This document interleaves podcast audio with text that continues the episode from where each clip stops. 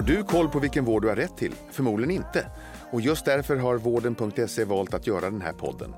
Jag heter Mikael Sandström och är husdoktor i eh, podden Vårddjungeln. Jag får sällskap av andra experter inom vårdrelaterade ämnen och även gäster som berättar om sina sjukdomserfarenheter. Har du som lyssnar en fråga du vill ta upp i podden så mejla fragoratvarden.se. Med detta sagt önskar jag dig varmt välkommen till Vårddjungeln. Nu kör vi!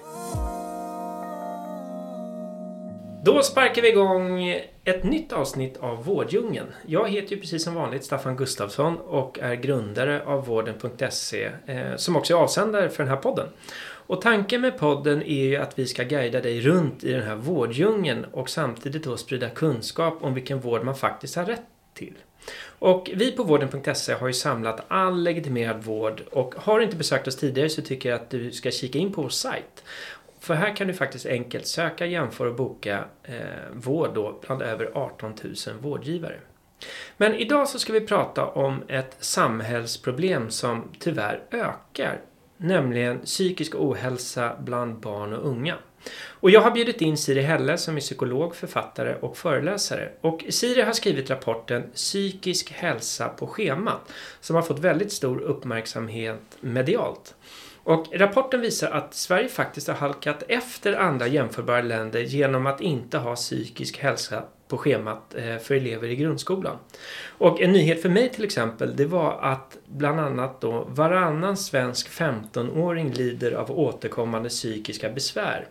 Eller att faktiskt självmord tragiskt nog är den vanligaste dödsorsaken bland unga i åldern 15 till 24. Och med det sagt, varmt välkommen till podden Siri. Tack så mycket. Jättekul att ha dig här. Ja, väldigt kul att vara med. Och innan vi pratar närmare om det här ämnet som jag precis nämnde, kan, kan inte du berätta bara kort om dig själv? Eh, vem är du och varför är du här? Ja, nej men jag är legitimerad psykolog. Jag har tidigare jobbat inom vården med KBT-behandling av stress, ångest, depression. Mm.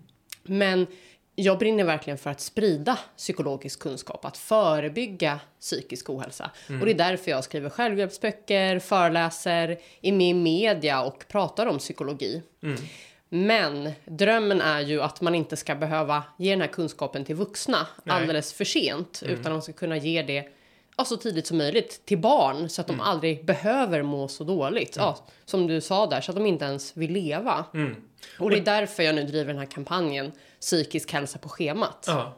Och den här rapporten du har skrivit som precis heter då Psykisk hälsa på schemat. Kan du, kan du berätta lite mer om den? Absolut. Ja, för det är ju flera organisationer som har drivit den här frågan länge. Det är mm. Unicef Sverige, Suicide Zero, Sveriges elevkårer.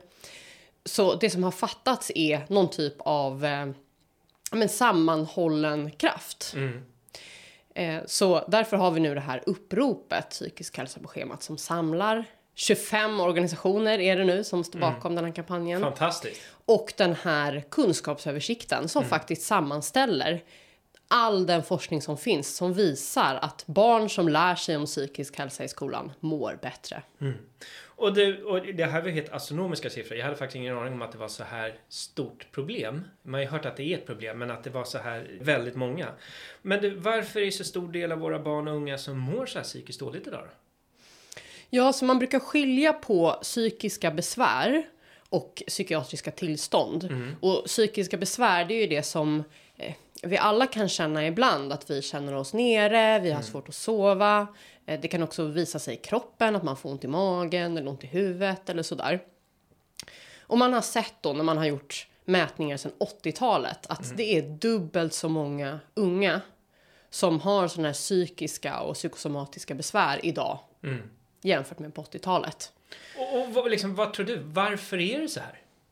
Ja, det är ju verkligen 10 000 kronors frågan. Det är liksom ingen som vet. Nej. Folkhälsomyndigheten släppte en analys 2018 mm. där de såg att det verkar finnas en stark koppling till att skolan som helhet funkar sämre idag än den mm. gjorde då. Det har ju varit väldigt många regeringar som har dragit skolan åt väldigt många olika håll. Mm. Vilket har gjort att elever har svårare att klara skolan idag. Mm. Samtidigt som pressen på arbetsmarknaden har ökat. Mm. Och man Så behöver, gapet är bara större? Precis, man känner ja. att man behöver ha bra betyg för mm. att klara sig samtidigt som det är svårare än någonsin. Mm.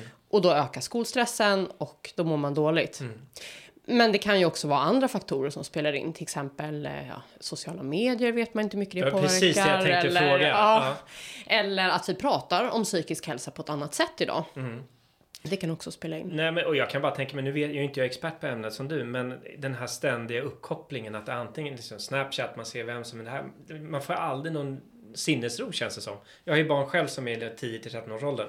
Och det är aktivitet hela tiden. Det är det. Och det kniviga är ju att det verkar som att man påverkas väldigt olika beroende på vad man gör, till exempel på sociala medier.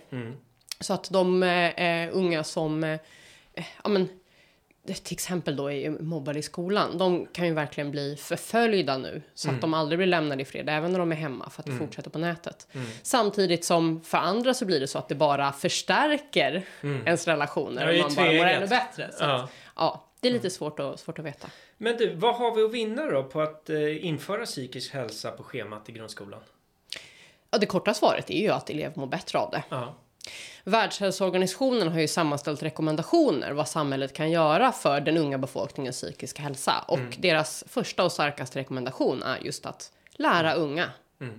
Eh, och, och då handlar det ju om grundläggande färdigheter, sånt som alla har nytta av. Till exempel... Kan du ge något eh, exempel? Ja men precis. Att man får lära sig om faktorer som påverkar måendet. Eh, det kan vara sömn, sociala medier, eh, motion. Men- Stillasittande kanske? Stillasittande, absolut. Och sen att förstå känslor och känslohantering. Hur hanterar man stress? Vad är motivation? Och hur, hur blir man motiverad? Och hur får man bättre självkänsla? Och sen också, om man mår dåligt, hur gör man då för att söka hjälp i ett tidigt skede? Och hur gör man då? då? Vad ska liksom... jag går direkt på, på liksom så här lösningsfokuserad. Men ponera att man liksom lyssnar på det här eller man är förälder och ska prata med sitt barn. Vad, liksom, vad är första steget? Ja, om det är att det är problem i skolan eller om det är liksom lättare besvär, då kan man ju gå till elevhälsan. Eller man ska kunna gå till elevhälsan. Tyvärr så är ju... Varannan onsdag mellan 11 och 11 och 15. Ja, men exakt. Ja. Men det ser ju olika ut. På, Ja. på vissa skolor funkar det jättebra. Ja. Så elevhälsan.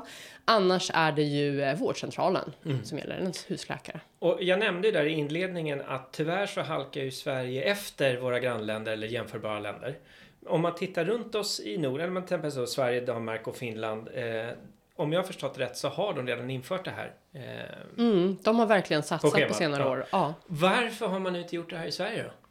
ja, det sorgliga och märkliga det är ju att på pappret så har vi haft psykisk hälsa på schemat sedan 80-talet.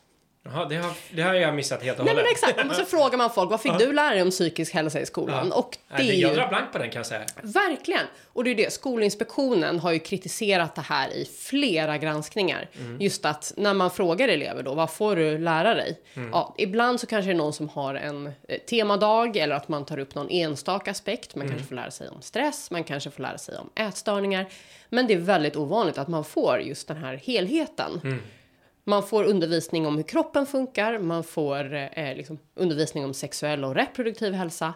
Men den psykiska hälsan, den laggar efter. Men du, vad får du för gehör då från eh, vår eh, skolminister Lotta Edholm? Tystnad. Va? Ja, och det är det som är så upprörande. Och det är därför som vi nu har en namninsamling till skolministern. Eh, för att, som sagt, det här är en av de mest kostnadseffektiva insatserna man kan göra för ungas psykiska hälsa. Och våra nordiska grannländer har satsat på det här, så vad väntar vi på? Men den namninsamlingen måste vi, nu tittar jag på vår producent här, Stefan. Det måste vi lägga ut. Ja, vi vården, gör eller det. hur? Han nickar instämmande. Ja, nej, men den ska spridas överallt. Ja. Men du, och om man till liksom lite konsekvens, eh, konsekvenstänk då. Vad, kan, vad blir konsekvenserna av att vi inte tar tag i det här problemet eh, i och med att det bara ökar och ökar? Skulle du säga, från barn och unga? Ja, det leder ju till eh, psykisk ohälsa som hade kunnat förebyggas. Och om man tittar på vad psykiatriska tillstånd kostar samhället årligen, det är 170 miljarder kronor i sjukskrivningar och eh, ja, sänkt produktivitet. Och då har vi inte ens räknat in hur det påverkar ja, människors livskvalitet och anhöriga.